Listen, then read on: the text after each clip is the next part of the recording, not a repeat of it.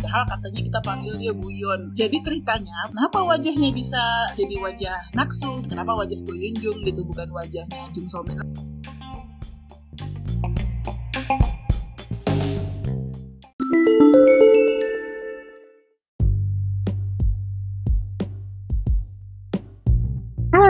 Annyeonghaseyo, Cinggudel. Apa kabarnya hari ini di tempat kalian? Apakah ada badai-badai? Di sini anginnya gede banget. Sambil nemenin udara yang mulai agak ekstrim, yuk kita ngobrol bareng, bahas yang anget-anget nih. Ada yang udah nonton belum? Judulnya Alchemy of Souls. Sekarang udah sampai ke season 2. Nah, saat ini aku Manda ditemani sama cinggu-cinggu classmate kelas yang keren-keren. Ada Karisna. Halo Karisna. Halo, Anyong. Annyeong. Lalu ada Nani Nuna. Annyeong. Annyeong Mancin, Annyeong Cinggu. Lalu ada juga Kakak Ima. Halo. Semua udah nonton nih Alchemy-nya. Gimana gimana? Ada yang mau Tentunya. ceritain nggak? Udah dong. Mau cerita pasti yang ya mana? mau Udah spoilerin. kita oke kita mulai dari eh, kesimpulan ending yang season 1 dulu ya ada yang mau mengutarakan isi hatinya dari ending season 1 ini siapa yang mau duluan bisa milih ya bisa milih ya endingnya kalau season 1 tuh mau diputus di mana tuh bisa ya Kalau yang aku inget sih senang-senangnya dulu, yang senang-senangnya dulu itu Mudok sama Janguk akhirnya mau meninggalkan semua saktian yang mereka miliki untuk bersama satu sama lain gitu. Tetapi tentu saja ada Jinmu yang nggak happy dengan keputusan mereka. gitu. Terus si Mudoknya yang mana sebenarnya adalah Naksu dikendalikan oleh Jinmu supaya jiwanya itu liar gitu kayak malah membunuh Jangkuk dan berakhir dengan hujaman pedang di dada Jangkuk itu tuh kayak kiasan yang diliteralkan gitu jadi kayak hujaman pedang di dadanya tuh bikin dia hati lah ya istilahnya ya dia mati gitu. Jangkuknya mati dong dia dibakar dong tapi dengan kekuatan batu es Jangkuk hidup lagi tapi si nafsunya sendiri jadi batu Dan Oh. tenggelam di tenggelam ditolong dua orang kan waktu itu. Ada Iya. dua orang angkat anak-anak. Hmm, gitu. dia tenggelam di danau apa nama danaunya Chonggu Jejeon apa sih? Ya itulah. Di only di only danau lah pokoknya ya. Ya itu pokoknya tuh ending 20 itu. Iya, dan waktu itu tuh kita ada beberapa pertanyaan tuh. Jadi gimana dong nasibnya Guyon gitu kan? Karena kan kita udah tahu tuh waktu itu udah dikasih tahu tepatnya dok adalah Guyon Iya. yang mengendalikan memerangkap Jiwanya jiwa naksu. Eh, naksu. Nah, iya gitu. Wah. Terus itulah yang akan kita bahas di season kedua Ya itu endingnya tuh penuh pertumpahan darah. kan pasti semua udah nonton ya kalau season 1 kan jadinya nggak apa-apa. Paling nanti season 2 ini gimana gitu ya. Tapi menurutku sih memang berkaitan sih antara season 1 season 2 di mana tuh krunya tuh sebetulnya udah dikasih di season 1 kan. Jadi menurut aku kita pun sekarang udah bisa memprediksi ending season 2. baru berapa menit kita Baru mulai. ending Udah banyak pertanyaan di media sosial aku baca tuh kalau misalnya nggak nonton season 1 tuh nggak apa-apa nggak sih? Gitu kan banyak yang penasaran sama si pemeran Guyon di season 2 ini kan gitu. Terus ada banyak yang belum nonton season 1 tapi udah penasaran nih season 2 kira-kira nyambung nggak sih? Kalau menurut kakak-kakak bisa tapi Gimana lebih ya? sedep lebih sedep agak sulit kali ya gitu ya, ya iya Sulit membayangkan lah ya. iya Iya, sulit sulit menjiwai, sulit menyelami. Kenapa? kenapa seperti itu gitu kenapa jangkuknya tuh begitu banget gitu lah sulit menyelami benar. perasaannya jangkuk ya kebanyakan teori di season 1 ya Benar. Iya benar. Belum lagi soal kimia kita ya, yang biologi antara kimia itu nggak selesai selesai sampai season 2 tentang kerajaan Iya, belum lagi sekarang ada Buyun tambah lagi deh, pusing. jadi nonton aja dari season Bulan. satunya Kalau Buyonnya sendiri gimana nih kakak-kakak? Apakah kesan dan hasil nonton 6 episode kemarin kesan terhadap tokoh Buyon yang baru ini gimana nih? Aku dulu nih aku dulu mau jawab nih Aku kan termasuk yang udah udah gatel ya kak ya? udah nahan diri nih soalnya kan aku termasuk yang tadinya emoh mau nonton season 2 gitu sebel gitu kan Udah Iya. males dulu gitu ya. Kayak Iya. kenapa sih tega banget sih writer name gitu kan udahlah kita berhenti di 19 aja lah daripada 20 terus kan kita penuh pertanyaan kayak gimana sih ceritanya kok malah tokohnya hmm, kita kan concern dengan mudok ya karena kita mengenal Mm-mm. itu kan mudok ya Jung So Min tuh mudok gitu ya kita kan concern Mm-mm. gimana nanti dia menyusun kembali si Jung So Min ini jadi malahan wajah lain gitu ya aku sih nggak kenal ya apa sama aktor yang memerankan Go Yun Jung si- itu. eh, Buyun yang sekarang ini ya. Tapi waktu aku nonton episode pertama dari season 2, wah, aku langsung standing pujian deh. applause Eh, standing applause bener. Buat penulisnya itu kayak yang wow gitu. Dia pinter banget ya bikin cerita jadi nggak maksa gitu, bukan oplas ya, bukan oplas. Iya. Bukan bukan meninggal ketabrak ya kak ya, lalu hidup lagi. Terun. Iya. pokoknya pokoknya cara perubahan pemainnya itu bisa membuat kita melupakan Jung So Min. Maaf ya Jung So Min. mulus gitu ya mulus aja ceritanya gitu ya Iya benar-benar. Karena bahkan ya, Ah. kalau dulu kan di season 1 kan kita selalu mengenalnya mudok, mudok, mudok gitu ya. Di season 2 Iya. ini kita nggak nggak pernah mendengar Jang Uk menyebut mudok ah gitu. Jadi kita bisa memang ini bukan mudok, ini bukan Jung So Min gitu. loh. Kita bisa langsung menerima alasan perubahan pemain. Karakter. Eh, karakter. Ini memang berubah sih jadi bahkan bukan cuma wajahnya yang berubah ya. Banyak lah yang berubahnya gitu ya dan pemerannya ini pun bisa membawakan karakternya gitu ya jadi selain penulisnya yang keren pemerannya juga bisa bikin karakter baru gitu loh yang bikin kita melupakan karakter mudok dan tapi kita tahu bahwa inilah kimia antara jiwa dan raga Nah, itu tetap tetap orang yang sama ya dicintai oleh jantung gitu kalau menurut aku gitu Ya aku hampir sama sih kayak Karisna awalnya ekspektasinya. Eh tapi se- sebetulnya aku malah di apa episode awal yang waktu waktu Buyon muncul di taman itu loh.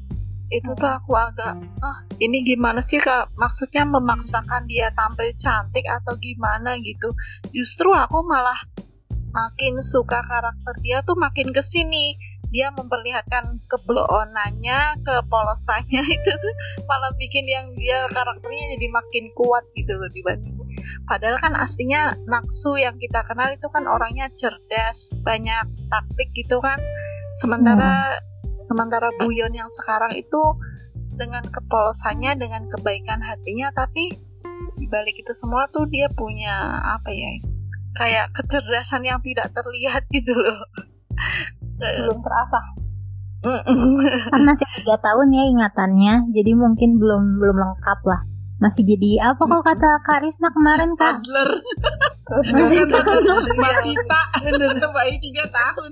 Ya kan karena kan si iya Buyon, bener-bener Buyon yang kita kenal ini kan taunya bahwa dia sakit dan sembuh itu setelah sembuh itu lupa ingatan dan dia tuh dikurung kan nggak ke mana-mana kan. Dia kayak Mm-mm. itu nggak punya pengalaman apa pun gitu loh. Dia hanya dapat informasi itu dari orang tuanya apa pun yang kata ibunya apa pun yang kata adiknya yang itu dia terima bulut-bulut gitu loh. Nggak nggak ada Iya, lah benar, kepikiran benar. yang aneh-aneh gitu loh.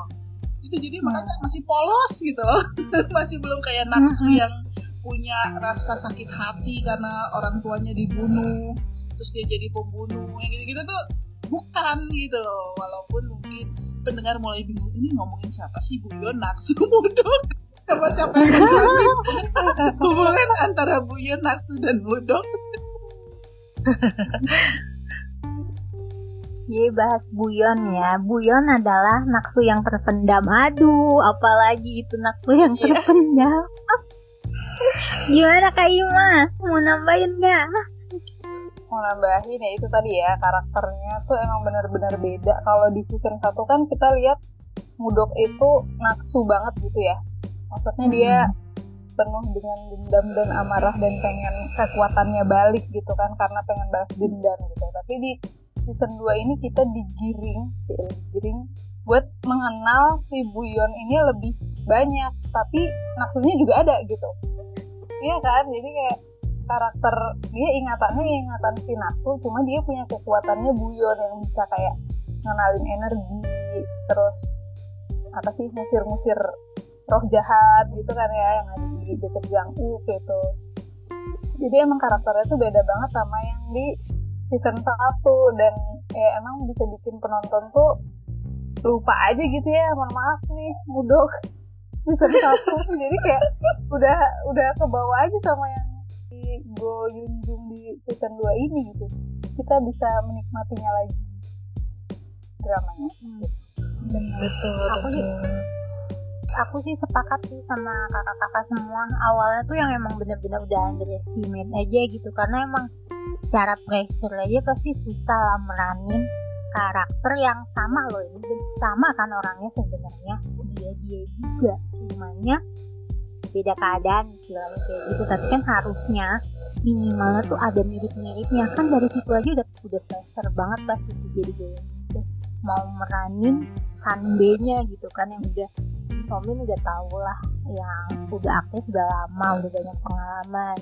Sementara kan ini masih baru banget gitu tapi di sini aku salut sama tim produksi di luar nulis ya. Karena kalau penulis sudah Long Sister udah pada tahu lah gimana jagonya dia uh, mengemas suatu cerita. Jadi yang dari yang tidak masuk akal jadi kita oh iya ya bisa gini ya gitu. Kok kepikiran ya itu memang di situ memang kekuatannya penulis sudah pada uh, hafal lah ya. Nah tapi aku mau salut sama tim produksinya yaitu dia nyadar nggak sih itu alisnya Naksu yang pertama sama alisnya Naksu di sini dibikin beda. Itu ada maksudnya itu tuh memang apa sedetail itu gitu bikinnya si tim produksi itu.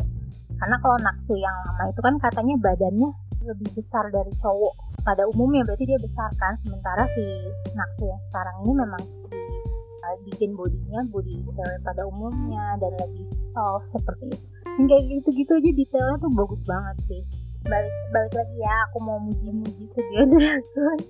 Soalnya tambah keren. Iya Iyalah. benar benar benar. Hmm, nah, visualnya juga bikin penonton makin tertarik buat apaan sih nih drama gitu kan. Iya. Dia Iya, macam drama orang-orang tuh bilangnya kayak drama sadis gitu kan ya. Padahal bukan gitu kan. Tapi ini tuh lebih jauh lebih modern gitu loh tampilan kayak tampilan iya visualnya ya Iya, karena kan memang fantasi kan ya. Sebenarnya mau dibantah pun masalah terlalu modern atau apa nggak bisa, karena emang ini drama bukan saget gitu. Ini memang drama fantasi yang terinspirasi dengan uh, keadaan di saget gitu di, di Korea zaman dulu, tapi nya bukan gitu kan. Jadi kalau misalnya mau dibilang ini terlalu make upnya terlalu modern nggak bisa. Ini Hong Sister bukan bikin saget, ini bikin fantasi. Jadi dia mau apa pun itu bantahan sebenarnya nggak bisa. Kalau misalnya genrenya itu fantasi. Walaupun benar. Apa? Bisa. Semua bisa. Tapi tapi aku mau nambahin. Dari tadi tuh mungkin ah, kalau buat yang nontonnya sambil terkantuk-kantuk ah, tetap agak bingung ya. Jadi gimana sih ceritanya wajahnya Naksu itu bisa pakai wajahnya Go Yoon Jung padahal katanya kita panggil dia Buyon. Jadi ceritanya kenapa wajahnya bisa jadi wajah Naksu? Kenapa wajah Go Yoon Jung gitu bukan wajahnya Jung So Min lagi aku mau kasih tahu karena bagian itu tuh banyak yang agak miss. Jadi katanya ada aturannya bahwa sekarang ini si yang kita panggil Buyon ini sebenarnya sama dengan Mudok yang adalah Naksu juga. Dia dia itu jiwanya Naksu terperangkap di dalam badannya Buyon. Buyon inilah yang anaknya si keluarga Jin. Nah, tapi kenapa jadi wajah naksu? Karena waktu penyembuhannya dia tuh pakai energinya si naksu penjelasannya. Karena energi menentukan jalannya air ya. Ya, gitu deh karena waktu dia jadi batu itu dia udah kering gitu. Untuk penyembuhan walaupun badannya Jin Buyon itu selamat karena dia kan punya kekuatan istimewa dari keluarga Jin kan makanya dia bisa tetap hidup tapi jiwanya Jin Buyon yang sebenarnya itu se udah mati kan ya? Atau masih dorman apa udah mati nih sekarang nih? Dihasilkan Dorman. Ya. kayaknya. tapi itu kan yang harus memilih kan ibunya Jin Buyon memaksakan si Buyon ini hidup kembali walaupun dengan wajah naksu yang dia tahu adalah pembunuh gitu ya karena dia agak mikir ini se- secara DNA tetap bisa bakal ngasih anak dari keluarga jin gitu walaupun dia nggak peduli ini jiwanya jiwa naksu gitu jadi kalau kemarin diributin bahwa Janguk bukan anaknya Janggang karena jiwa yang memiliki ya hubungan dengan ibunya adalah jiwanya raja. Nah yang ini sekarang kebalik gitu. Pokoknya penjelasan wajahnya bisa kembali karena energinya Naksu lah yang mengembalikan tubuhnya Buyon jadi hidup lagi. Gitu. Jadi sekarang kita Buyon is Naksu, is Mudok. Hmm. Jadi mungkin gini kali ya gampangnya. Kalau misalnya kayak kita nuangin air ke suatu tempat, nah tempat yang digunakan adalah cetakannya istilahnya karena ini jiwanya yang dipakai adalah jiwanya naksu. Si energi air ini saat dituangkan itu membentuk visualnya, visual cangkang tersebut alias jiwanya naksu. Mungkin kayak gitu gampangnya. Setuju banget. Buset deh, ini kita jadi kayak bener bener. Pelajaran apa ini? Science. Pelajaran sensei ini. Ilmu Cina. Jadi yang masih bingung harus dengerin podcast ini nih kayaknya. Penjelasannya lengkap dan detail beserta contoh. Iya, tapi sebetulnya kan jiwa Buyon walaupun dikatakan di awal-awal kalau jiwa Buyon udah meninggal, tapi pada dengerin nggak waktu kemarin Guru Li bilang kalau nanti ingat ingatannya Itu fakta kembali, mencengangkan ya kak. iya, Malam itu kemarin. kalau jiwanya nanti ingatannya udah kembali, ingatan Buyon juga kembali. Maksudnya bukan ingatan Naksu loh, ex Buyon, tapi Buyonnya asli. Nanti kalau ingatan Buyonnya bener-bener ingat balik juga, otomatis jiwa jiwa Naksu akan ditendang, ya kan? Itu kayaknya Ya. dramatis banget ya. Sakit Tapi kalau kalau nggak dengerin bener-bener itu nggak nggak nyimak loh antara Iya. tapi kenapa kok nggak diberitahukan di awal ya kan?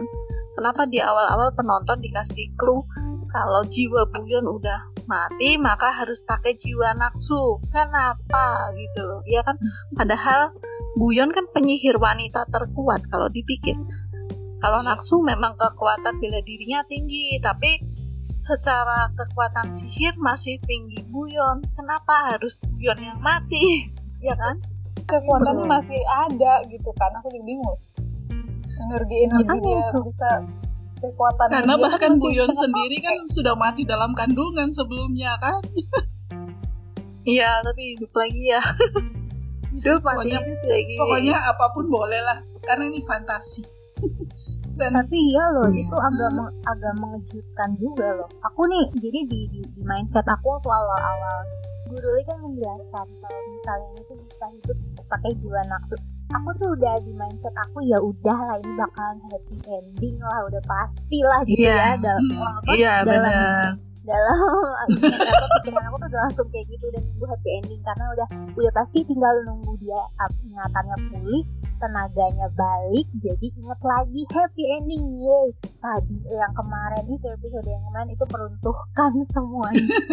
Terus kalau misalnya dia inget maksudnya pergi lah gimana? Jadi di situ kita kayak bangun lagi terus ya siaga lagi gitu wah ini bisa bisa bisa nggak happy ending Iya, Jangan benar. terlalu benar. berharap gitu ya. masih ada empat episode soalnya kata penulis lo jangan cepet-cepet lo. Happy Iya, ending satu episode aja gue bisa obrak abrik. Iya, terus nanti muncul session 3, ya kan? Itu aja terus sampai session 10. Asal jangan ganti lagi aja nanti pemainnya. Jauhnya ganti. Aduh, aduh. jangan jangan Nanti dimunculkan pengganti Soyul loh. Wow hidup lagi ya dia ya oke lah tapi kayaknya nggak mati So, sih iya. mati nggak eh nggak mati deh. kalau seumpama Soyul meninggal terus tiba-tiba hidup lagi dengan wajah Caan wow gimana Ya. Kan mirip tuh mereka berdua bisa tapinya jadi cameo aja ya Aduh. jadi itu drama termahal Hmm, ya, tahun jelas. ini oke oke Ini yang dengerin bukannya jadi jelas malah makin ini. jadi gimana sih? Itu makin bingung. makin bertanya-tanya ya kan Udah jelas kita Tanya bingung apa? lagi mereka. Mas ya adegan favorit siapa yang mau duluan aku aku aku aku. Dari ini ya dari season 1 sampai season 2 Ah, enggak ke season 2 aja. Oke. Kalian ingat gak waktu di desa Gema itu loh desa Dukun? Sebetulnya aku Aku tuh ada tahu. dua favorit. Jadi waktu Wuyon jalan sama Yul yang sebetulnya tuh pinter tapi jadi blow on Hmm. ketika salah arah itu. Kamu tahu nggak? Wuyon bilang kamu tahu kan kita ini sama-sama sama-sama bodoh. Lihat coba aku parasku cantik. Kan itu gambarnya apa di blower gitu rambutnya kan. Tapi sayangnya aku bodoh. Dengan videonya memangnya aku bodoh? Iya Soyul ditanyain gitu. Soyulin padahal yang berarti satu-satunya yang bilang Soyul bodoh ya cuma itu ya cuma Buyon. Iya doang. Bener. Kayaknya itu terus sama sama ketemu putra mahkota juga itu yang soal Kura-kura. itu loh iya tapi aku lupa di bagian mana itu tapi menurutku ya terkesan juga tuh pertemuan Buyon sama putra mahkota sama kura-kura satunya mengira putra mahkota itunya Kasim ya Kasim Iya. yo. yang satunya mengira itu Buyon itu dukun mana pada pas bawa jimat pula ya kan jimat Iya. jimat naksu itu sih kayak berjodoh banget gitu loh Nafsunya tuh kayak gak ada takutnya sama pangeran. Ya kayak temen aja gitu loh. Kalau aku paling suka bagian waktu mereka tangannya berkait. ah, Terus ada Kayak flashback. romantis abis itu Eh, bagian romantis itu tuh kayak mereka membuat pegangan tangan itu sangat istimewa gitu loh. kayak yang si Iya. Janguknya juga wajahnya kayak, "Loh, tunggu dulu, kok tangannya begini? Kok apa sampai dia megangin ibu Kim itu? Terus dia bilang, tuh rasanya beda gitu. kayak yang dia ngerasa kenapa tangannya sama seperti yang pernah aku pegang. Ini tuh eh, dramanya jadi drama romantis kan ya jadi kayak waduh nggak salah nih gue nonton fantasi yang ini gitu bisa kayak gitu doang tuh bikin wah gitu banyak yang baper loh pegangan tangan doang betul betul betul betul. Aku ada satu yang waktu enggak sih sebenarnya kok jadi banyak ya setelah dipikir-pikir. Kayak waktu Jang Uk tiba-tiba masuk ke Jinnyowon terus ngancurin benang itu loh kak. Yang Ah, waktu iya.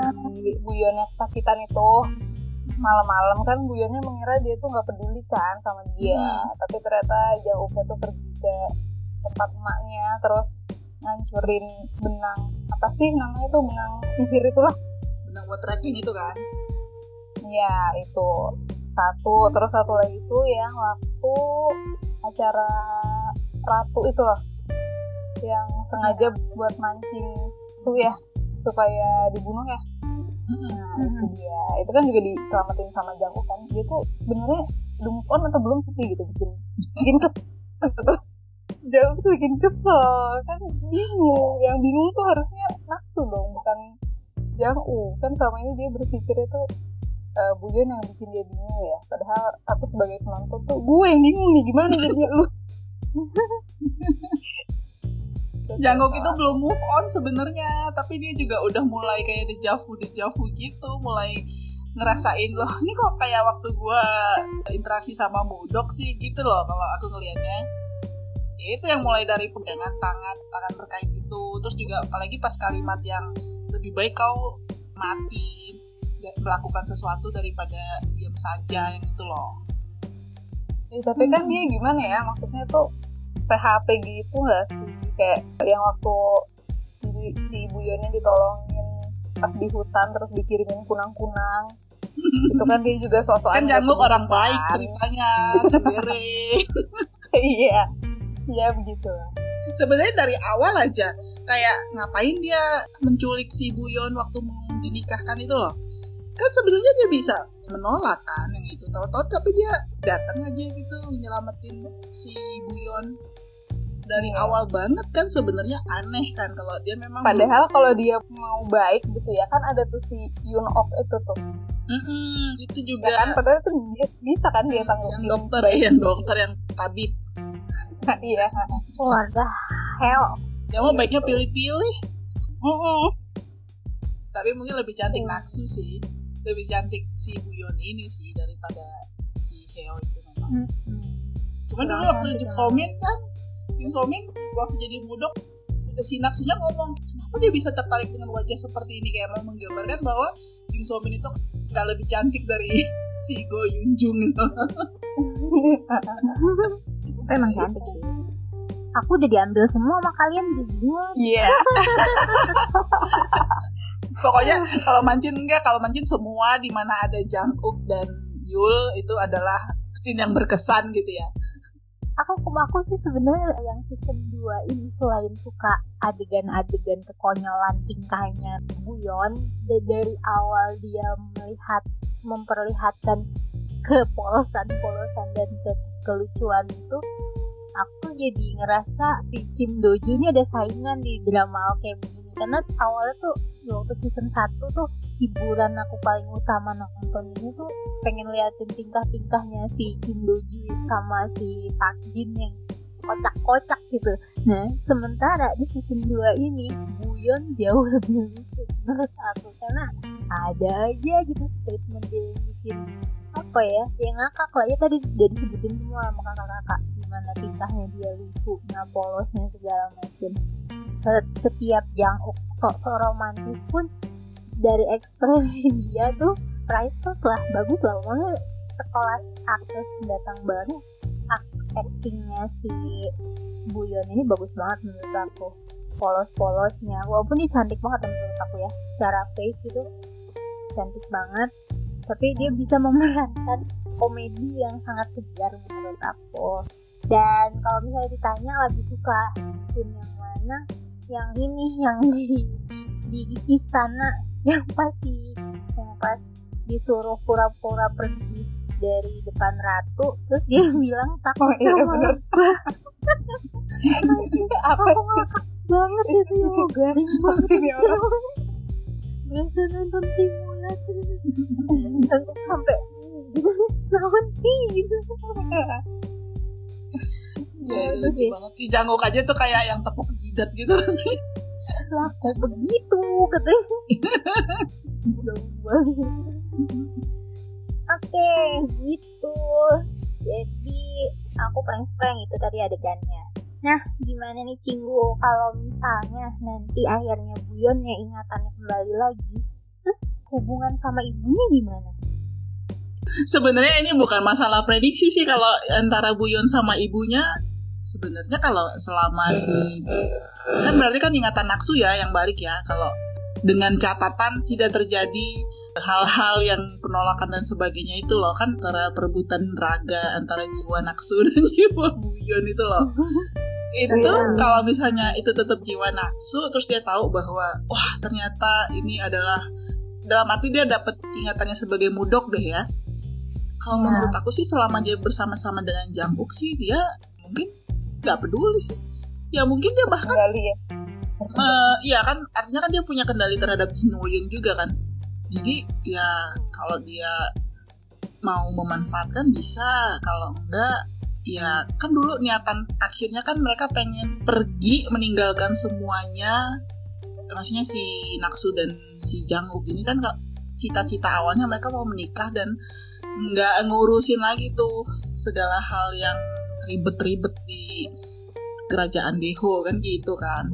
Mungkin mereka akan Hmm. kembali ke stick to the plan yang seharusnya terjadi di season 1 tapi kayaknya sih penulis nggak akan segampang itu ya ngasih kehidupan yang indah buat si Buyon dan Janguk ya jadi aku pun nggak tahu nih karena mau berharap apa aja buat akhir dari season 2 ini aku masih agak harus masih mikir-mikir Kayak kalau aku sih karena aku nggak tahu Home Sister ini dramanya, nggak ngikuti lah ceritanya Home Sister di mana aja. Mungkin kalau dia pun bikin cerita kayaknya aku nggak nggak ke itu genrenya itu loh. Sekarang pun kalau bikin prediksi kayak kemarin aja season 1 dibikin. Plot twist banget mungkin aja ini di season 2 juga bakal dibikin plot twist juga tergantung itunya. Tergantung Home Sister atau tergantung pedinim kalau pedinimnya memaksa kamu nggak boleh bikin gitu ini harus memuaskan penonton gitu. Kan bisa aja kan? Benar. Jadi, jadi kayaknya aku mending nanti menikmati aja deh empat episode Iya. terakhir nggak mau memprediksi gimana gimananya udah aku, udah aku lebih season lebih lebih pengen tahu kan. tuh gimana Janguk waktu tahu misalnya itu Buyon adalah Naksu itu aku lebih pengen tahu reaksinya Janguk bakal kayak gimana gitu loh kan kemarin kan baru Yul yang Iya. tahu ya bahwa Iya. Buyon adalah Naksu gitu ya nah si Janguk kan sampai sekarang tuh masih kayak ngerasa kok kok mirip sih? kayak eh, tapi kan dia nggak dapet konfirmasi bahwa ini tuh sebenarnya orang yang sama dengan yang lu tangisin gitu kan. Kira-kira gimana ya? Kalau nanti dia tahu bahwa jadi jadi sebenarnya gitu. Kan lagi kan Guru Li nggak mau ngasih tahu itu loh. Iya. Guru Li kan bilang suruh tanya sendiri sama Puan Jin. Siapa cari tahu jauh. apa yang Kamu Iya, kamu harus cari tahu sendiri. Itu nggak mau ngasih tahu kan Guru Li. Soalnya nanti kalau Guru Li yang ngasih tahu mungkin akan jadi pertumpahan darah. Tapi kalau Jang Uk tanya sendiri sama Puan, mungkin beda cerita, ya kan? Padahal kan Ada. waktu awal di- dibangkitin si Naksu itu kan si guru udah bilang ya sama si Puan Hmm. Ini udah aja mending Hmm. dibantuin sama Jang Uk pas di Dihidupkan gitu. Yakin gitu. Karena kan mereka memang saling mencintai dan segala macam. Tapi kan ini si Puan Jinnya kan gimana ya? Dia malah nggak mau kan Jang Jang Uk ini karena kan mikirnya kan dia ada hubungannya sama Naksu bukan sama Jin Buyon gitu kan. Jadinya dia nggak mau Oh. ber- berkolaborasi pula. Padahal kalau misalnya memang udah aja biarin Jang Uk dikasih tahu dan disuruh eh, jagain kan sebenarnya semua orang happy harusnya gitu nggak sih? Iya, eh tapi benar. sebenarnya Puan Puan Jin harus- kenapa sih sebel sama Janguk kan dia mikirnya kan itu cinta-cintaannya bukan sama bukan sama si Jin Buyon, Anaknya ya. Hmm. Iya, Coba Karisma maksud- punya anak, terus anaknya apa deket sama Jang Uk ternyata Jang Uknya tuh suka sama cewek lain bukan sama anaknya Karisma Iya. kalau aku ya tak bakal aku jadi sama aja serius Salah. Gue jadi emaknya juga rese sih sebenarnya. Langsungnya. Aku nggak mau sama yang gitu gitu ya nggak sih? iya benar. Tapi aku pikir ini ada kaitannya dengan kan si Puan Jin ini kan tujuan utama dia ngebangunin eh ngebangkitin si bangkitin serem amat sih. Nyembuhin si Jin Buyon kan. Karena buat dia si Jin Buyon ini adalah anak tertua dari keluarga Jin. Dan anak tertua keluarga Jin itu adalah pewaris Jin Buyon gitu Jin kan kira-kira. Eh Ya. Jin Yowon nah, nah jadi kepentingan dia itu kan si pokoknya Jin Buyon harus punya anak perempuan lagi biar ada penerus eh, keluarga kan gitu. Bukannya iya harusnya kalau sama Jang Uk kuat ya harusnya. Iya harusnya Nanti malah si Jang. Uk ini punya bintang kerajaan lagi. Nah sebenarnya kan peluang buat punya pewaris yang lebih hebat kan ada lebih besar kalau si Jin Buyon nikah dengan Jang kan sebenarnya Atau Karis, Iya. Karisma mau mau konspirasi yang dulu kita bikin nggak Karisma? yang mana tuh Ini Jin Buyon anaknya janggang sama Puan Jin. siapa ya Karisma ya oh my god Enggak kan itu kan udah dijawab di di akhir dari season 1 kan udah dijawab bahwa Puan Jin tidak pernah selingkuh. Gara-gara papanya mencurigakan itu kan itu itu kan dulu kita belum tahu bahwasanya bukan Hmm. begitu. Iya, Siapa lagi yang mau aku juga nggak ini? ngerti sih yang si Jinmu itu kenapa sih pengen menguasai Jin Iya, pengen eh, anak Kan- haram kan dia tuh nggak diaku. dia kan Terus? keluarga Jin Yowan juga kayaknya Ya, dia tapi pengen anak haram, bukan anak Jadi bukan kayak anak. tersingkir gitu ya dia Jadi dia pengen Ada berjasa nih.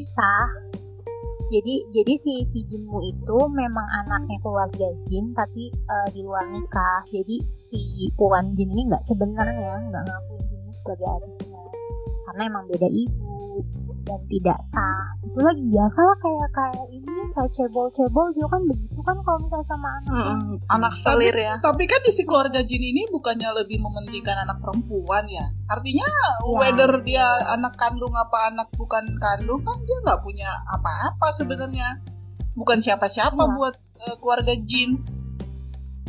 mungkin pengen merubah mungkin Jinmu pengen mengubah apa peraturan pengen akan membuka untuk laki-laki ya. Menguasai ya kan cuma pengen menguasai yang di dalam dua Serah itu ya. Iya, ha, ha, aku tuh artefak. barang-barang ya artefak Jin Won. Karena kan yang nggak pernah diakuin sama siapa pun. Itu juga kalau Harapan harapan ending tuh tuh dia pengennya dia mati aja deh. Gitu. oh jangan jangan gitu season ratunya aja yang mati siapa? ratunya aja Iya yang dimatiin ratu gitu nyebelin. Ratu. Ratu tuh jadi nyesel nggak sih nolongin? Iya. tapi kalau ratu nggak ditolongin nggak ada season 2 loh kita nggak nggak ada cerita yang bikin darah tinggi kan karena ada ratunya jadi kita jadi darah tinggi Dari dulu ya si Ratu. Itu tapi ratunya beneran gak tahu diri banget sih. itu si ratu itu kan dulu dipindahin jiwanya ke tubuh dukun ya kan. Terus jadi jelek tuh sekarang. Nah setelah dia diselamatkan, kenapa sih dia nggak malah sebel gitu sama si Jinmu gitu loh. Harusnya dan aku juga heran kenapa sih si Jinmu nggak dihukum? Kan dia udah melakukan apa ya terhadap terhadap ratu. Apa karena ratunya ya. nggak mati maka hukum tidak bisa. Pemutihan dia udah mengalami pemut- pemutihan. karena ratunya nggak mati jadi dia nggak bisa dihukum gitu ya nggak nggak terbukti kejahatannya gitu ya. Kan tadinya kan pas lagi jadi bu- guburon itu kan yang nemuin pertamanya kan karena sananya kan pang pangeran. Terus kan si Jinmu itu kan ada ini kan perjanjian sama pangeran masalah jangku. Jadi mungkin di situ ada dukungan pangeran kenapa akhirnya Jinmu tidak dihukum. Tadinya kan memang sempat mau dihukum kan orang dikejar-kejar dicari-cari ke mana-mana yang dia ngumpet di Songguan apa sih lah itu. Iya. Tapi juga si ratunya kok malah jadi sekarang berkolaborasi gitu dengan Jinmu. That's why aku Demi-demi. bilang di situ di situ tuh karakternya semua pemaaf. mungkin ratu tuh mempertahankan Jinmu karena dia masih pengen pindah pindah ke badan yang lebih cantik ya Iya kan sih, makanya mempertahankan Jinmu Nah, iya iya. kalau Jinmunya udah nggak ada dia mau pindah ke mana siapa yang pindahin Gak ada yang mau mindahin. Janguk harusnya harusnya ratu itu berbaik hatinya sama Janguk kalau menurut aku sih. Tapi nggak kan, mungkin nggak juga sih dia tahu sih Janguk rebel banget nggak akan bantuin. Tapi udah tahu diri banget pengen tuker mukanya sama Soyeon. Iya? Iya, bener. Aduh, Ya itu nggak tahu diri terus udah gitu terlalu pemaaf. bodoh. Pantesan nih jiwanya gampang diambil sama dukun. Lagi yang mau meng- mengeluarkan apa Harapan harapan endingnya. Hah? Harapan ending happy ending aja lah pokoknya buat Janguk sama Natsu. Dan semoga Soyun Sama nggak kenapa-napa ya. amin Tapi ini home itu loh ya. kayak berdoa Jangan jadi tumbal TVN loh. Iya, udah tumbalnya si Soi aja udah bener. Ya Soi mah udahlah gitu. Udah, Sama oh satu lagi tuh yang si Choyun biar balik lagi sama Aksan Ganggu. Bangsa Ah. ganggu, ganggu. Pak Dandu. Ya yang gitu biar balik lagi lah. Gitu kan kalau Kim Iya, juga iya dong. Kim Doju happy ending dong. udah, udah kan itu pasti udah udah. Kemarin kan udah. asal nggak di twist lagi aja. Tetap aja bisa ada plot twist di empat episode terakhir. Nggak percaya lagi, nggak percaya Iya. lagi. ya. Gak ada yang bisa dipercaya. Yang ini mah. berkesan. Soalnya ada banyak teori sih sebenarnya di Twitter tadi aku ada baca juga tentang kalau Janguk adalah eh, batu es, maka Naksu adalah burung api. Kenapa? Burung api. banget. Yang Waju gitu loh, itu. yang fire Waju, waju, ya. eh, yang yang yang bisa mengeringkan air itu loh. Jadi mereka attract yang si api sama air kan, attract to each other gitu katanya. Terus ya mereka tuh yin and yang nanti bersatu. Kalau teori di Twitter sih bilangnya nanti mereka akan melebur jadi naga. Jauh banget, pokoknya panjang teorinya. Ini jadi ada naga di situ. Naga. Bolehlah, bolehlah kita terima semua eh, konspirasi dan ide prediksi semuanya kita terima dan kita lihat nanti yang mana yang akan sesuai sama imajinasinya Hong Sister yang hobi banget sama yang namanya open ending. Semoga enggak ya, kita berharap. Nggak banget apa-apa open ending asal dikasih harapan Oh, apa-apa. Oh kayak ini ya, tetap ya balik lagi ya, kayak Kita akan bertemu lagi. kita akan bertemu lagi. Ya nggak apa-apa. Oke. Nanti kita tonton. Masih ada empat episode yang tersisa jangan lupa nonton di Netflix. Karena ini seru banget. Teman-teman yang belum nonton masih bisa maraton juga di Netflix. Dan um, akhir kata kami semua yang ada di sini mengucapkan terima kasih sudah mengikuti podcast kami jangan lupa baca tulisan-tulisan kami di www.drakorclass.com juga kami ada sosial media di Instagram, TikTok, Twitter, Spotify, dan YouTube. Iya, ada lupa. Nah, Pokoknya cari aja ya. pas. ya, Googling aja dan drakor pas. follow. Search follow semua sosmednya Drakor Class banyak cerita-cerita seru tentang drama Korea. Oke, terima kasih semuanya. Sampai jumpa lagi. Um, aku Alinda Sofia dan teman-teman semua pamit. Bye bye, annyeong. Annyeong, selamat tahun baru. Selamat tahun baru. Happy New Year.